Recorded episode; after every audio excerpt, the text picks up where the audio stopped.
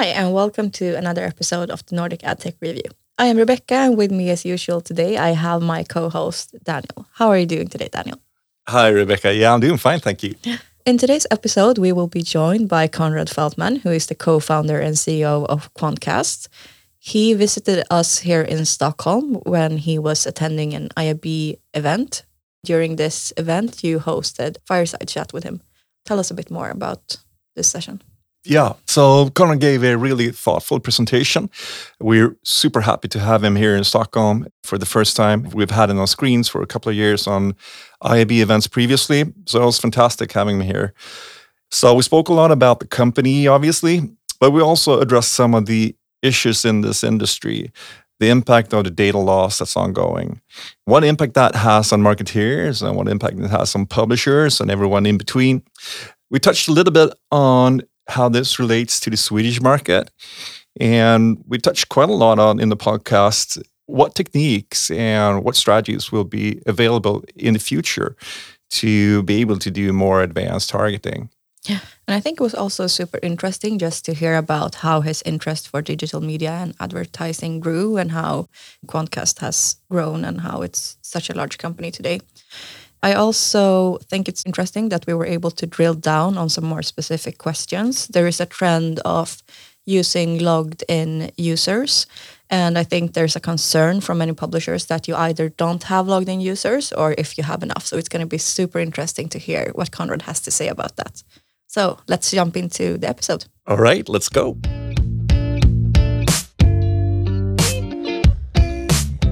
Hi, Konrad. Welcome to our podcast. We're very happy to have you here and see you here in Stockholm.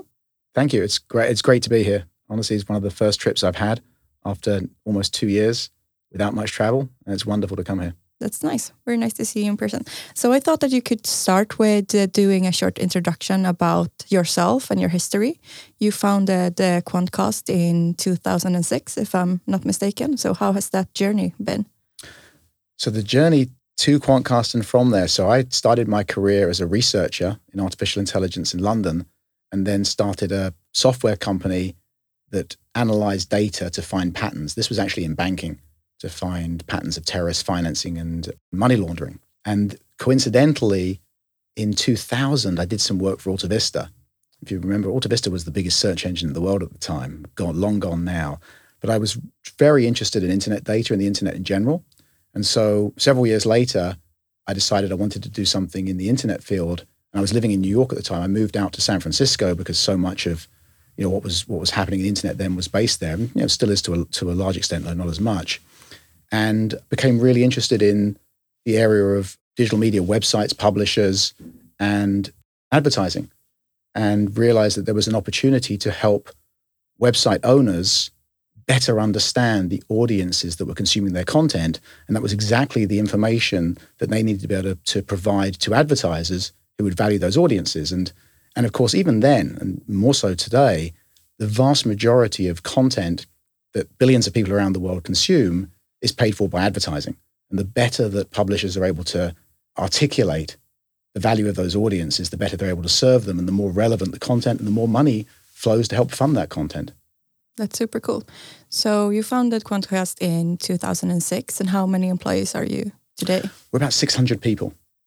That must be quite like a journey going from starting a company to from yeah becoming from, such a large from, one. From two of us, you know, there was two of us at the beginning, and you know, today we have eight people here in Stockholm.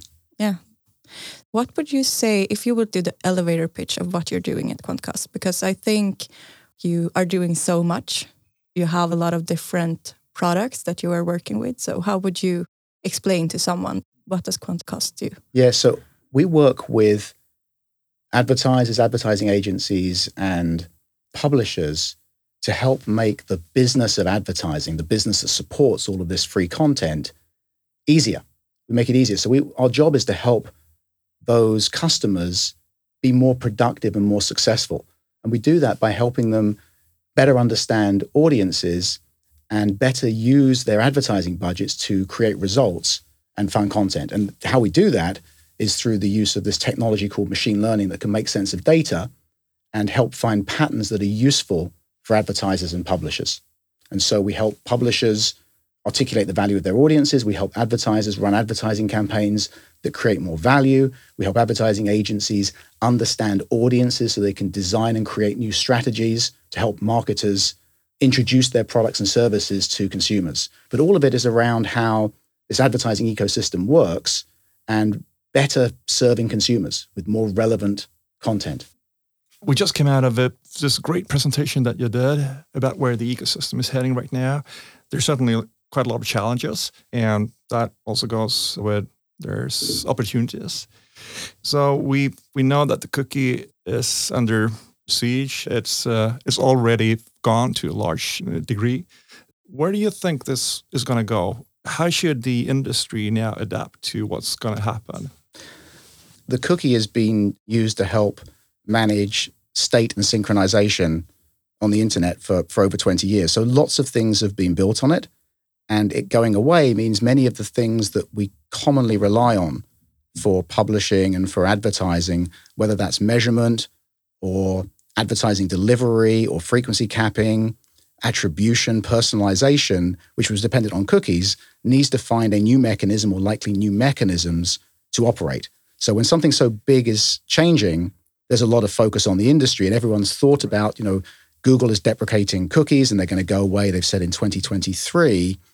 And that's still a year away. The truth is, as you mentioned, actually many, many consumers don't interact and have cookies associated with their interaction today. In fact, in most of the markets we operate in, more than half of digital media consumption is done without cookies. So it's a it's a matter of not just getting prepared for cookies going away eventually. It's recognizing cookies have already gone away largely today, and there's a tremendous opportunity to start reaching out beyond the cookie environments in terms of an ability to grow your business as a marketer. How does the advertisers need to adapt to this? This will be a new environment for them. You would obviously have technology that would support that. So that would be interesting to hear a bit about how so that works. The cookie is unlikely to be replaced by a single technology. There's likely to be a set of different approaches that are used. And I think you know, there's certainly several that have been proposed. And I think in all likelihood, all of them will get used to varying extents individually, but also in a combined fashion. And some of the approaches that have been discussed, people have talked about alternative identifiers. For example, maybe those based on email. People talk about first party data or using context, which of course has always been important, and statistical models, cohort models. And I don't think it's a matter of will it be first party data or will it be unified IDs or will it be cohorts or will it be contextual? The answer is yes. It's going to be all of them and more, and they'll be combined. And exactly how they're combined, I think it's too early to say. I think that they'll, in fact, you need to be flexible and recognize the environment's going to change. But the cookie won't be replaced by one approach, it'll be replaced by a number of approaches to solve all the different tasks that the cookie's currently involved in. And would you say that the market in Sweden, by example, is reacting differently to this than, say, stateside or UK or continental Europe? Yeah, I think we we often like to think of a, market as being sort of homogeneous and everyone's the same. And the truth is, there's a lot of differences within each individual market. You've always got early adopters and people that are will wait and see. I, you know, certainly based on our experience here in Sweden, you know, we introduced our cookieless solution on the Quantcast platform in September last year. And since then, we've had hundreds of marketers running cookieless campaigns, and they're seeing you know, really interesting results. They're able to acquire customers cost effectively, the same or better on a cost per acquisition basis as they can in cookied environments. Most importantly, they're able to achieve more scale, sometimes twice as much scale in terms of the outcomes. And when I look at the market here in Sweden, I'd say proportionally, we're doing more with our clients here on cookieless advertising than, than some other markets. So I feel that there's um, certainly a leader in this regard. All right, interesting to hear. So, and I think also that the cookie is challenged from different sort of directions. One is from, well, there's, there's a legal standpoint that one can bring into this, but they're also from the browsers. So those two in combination provide a perfect storm uh, hitting the cookie. What do you think? Uh, where is the biggest threat? I don't think it's necessarily sort of the biggest threat. Cookies are going away, and I think everyone needs to deal with that. They were never they were never perfect. They were they're certainly misunderstood. maybe a little, certainly abused on occasion as well, but they served a useful purpose. And obviously, there's privacy regulations around the world. Some of those touch on cookies, and you know they can be consequential. The browsers exert more influence. You know, regulation takes time. There's a process there. You know, the browsers are able to act essentially unilaterally in deciding what will what will happen. And whilst everyone's talking about Google's deprecation of cookies, you know, Apple wasn't waiting for Google and Firefox wasn't waiting for Google. No, and many no, consumers no. aren't waiting for Google. They've changed their browser preferences not to have cookies. So cookies are going away and you know everyone should be focused on sort of evaluating the approaches that can help them not just survive but thrive in a world without cookies. I think there's a lot of opportunity that comes with that and perhaps the piece that is not well enough appreciated yet. This is not just about getting ready for the future, being future proofed, being confident about your ability to operate and succeed. This is about opportunity right now. You know, most marketers, if you're here in Sweden, more than half of digital media consumption has no cookies associated with it. If you're relying on cookies for how you deliver advertising campaigns, the most you can reach is half the audience. Right. So if you use cookieless approaches as well, you have the opportunity to reach the full audience, which means you can influence and engage more people and deliver more business results right now. All right, great.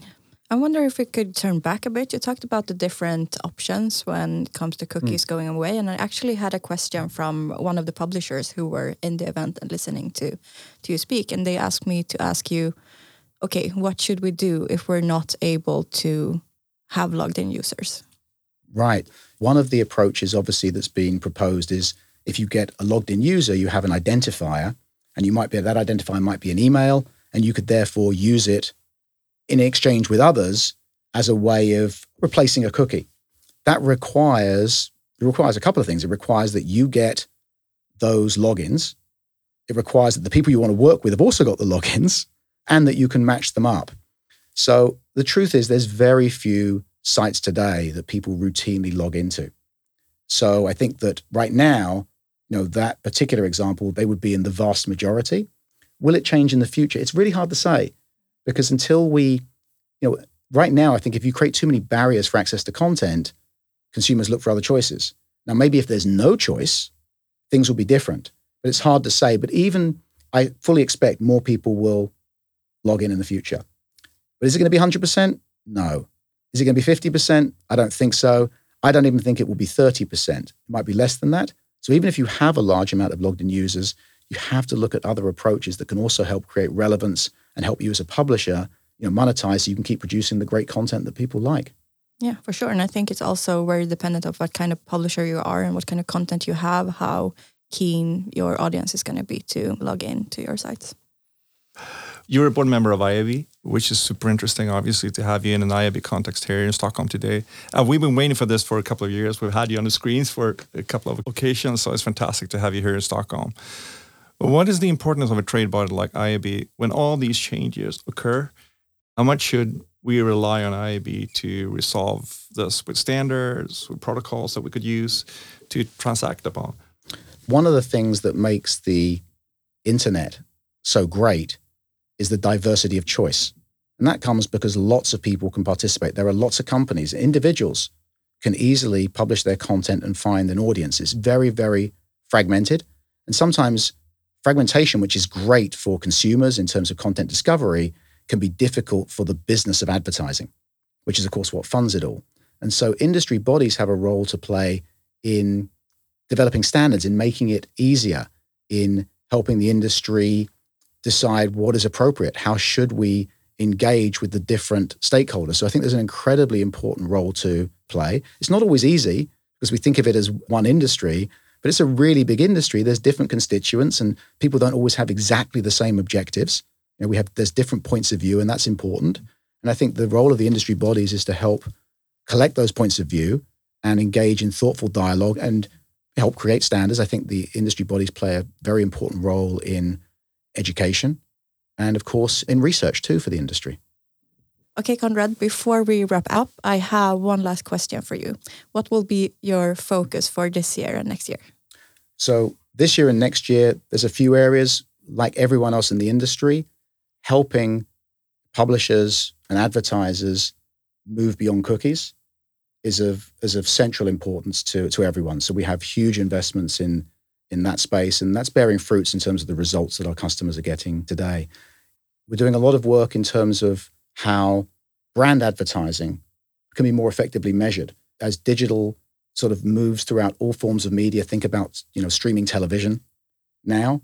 Making that more measurable, I think, will be really important for continuing its growth. And we also think about how advertisers can be intentional with their spend. Advertisers want to get results, but they also think about the content they're funding, the voices they're funding. And it can be hard to deploy budget effectively in doing that. And we want to make it easier for advertisers to get results and to be able to be intentional with their spend. And of course, we continue to invest tremendously in the Quantcast platform and sort of radically simplifying how advertising works on the open internet. Okay, that sounds super interesting. Thank you for coming on the podcast. We're looking forward to following you and what's happening in the upcoming years. And hopefully, we will see you soon again here in Stockholm. Thank you so much. It's been wonderful to be here with you in Stockholm. Thank you. It was great having you.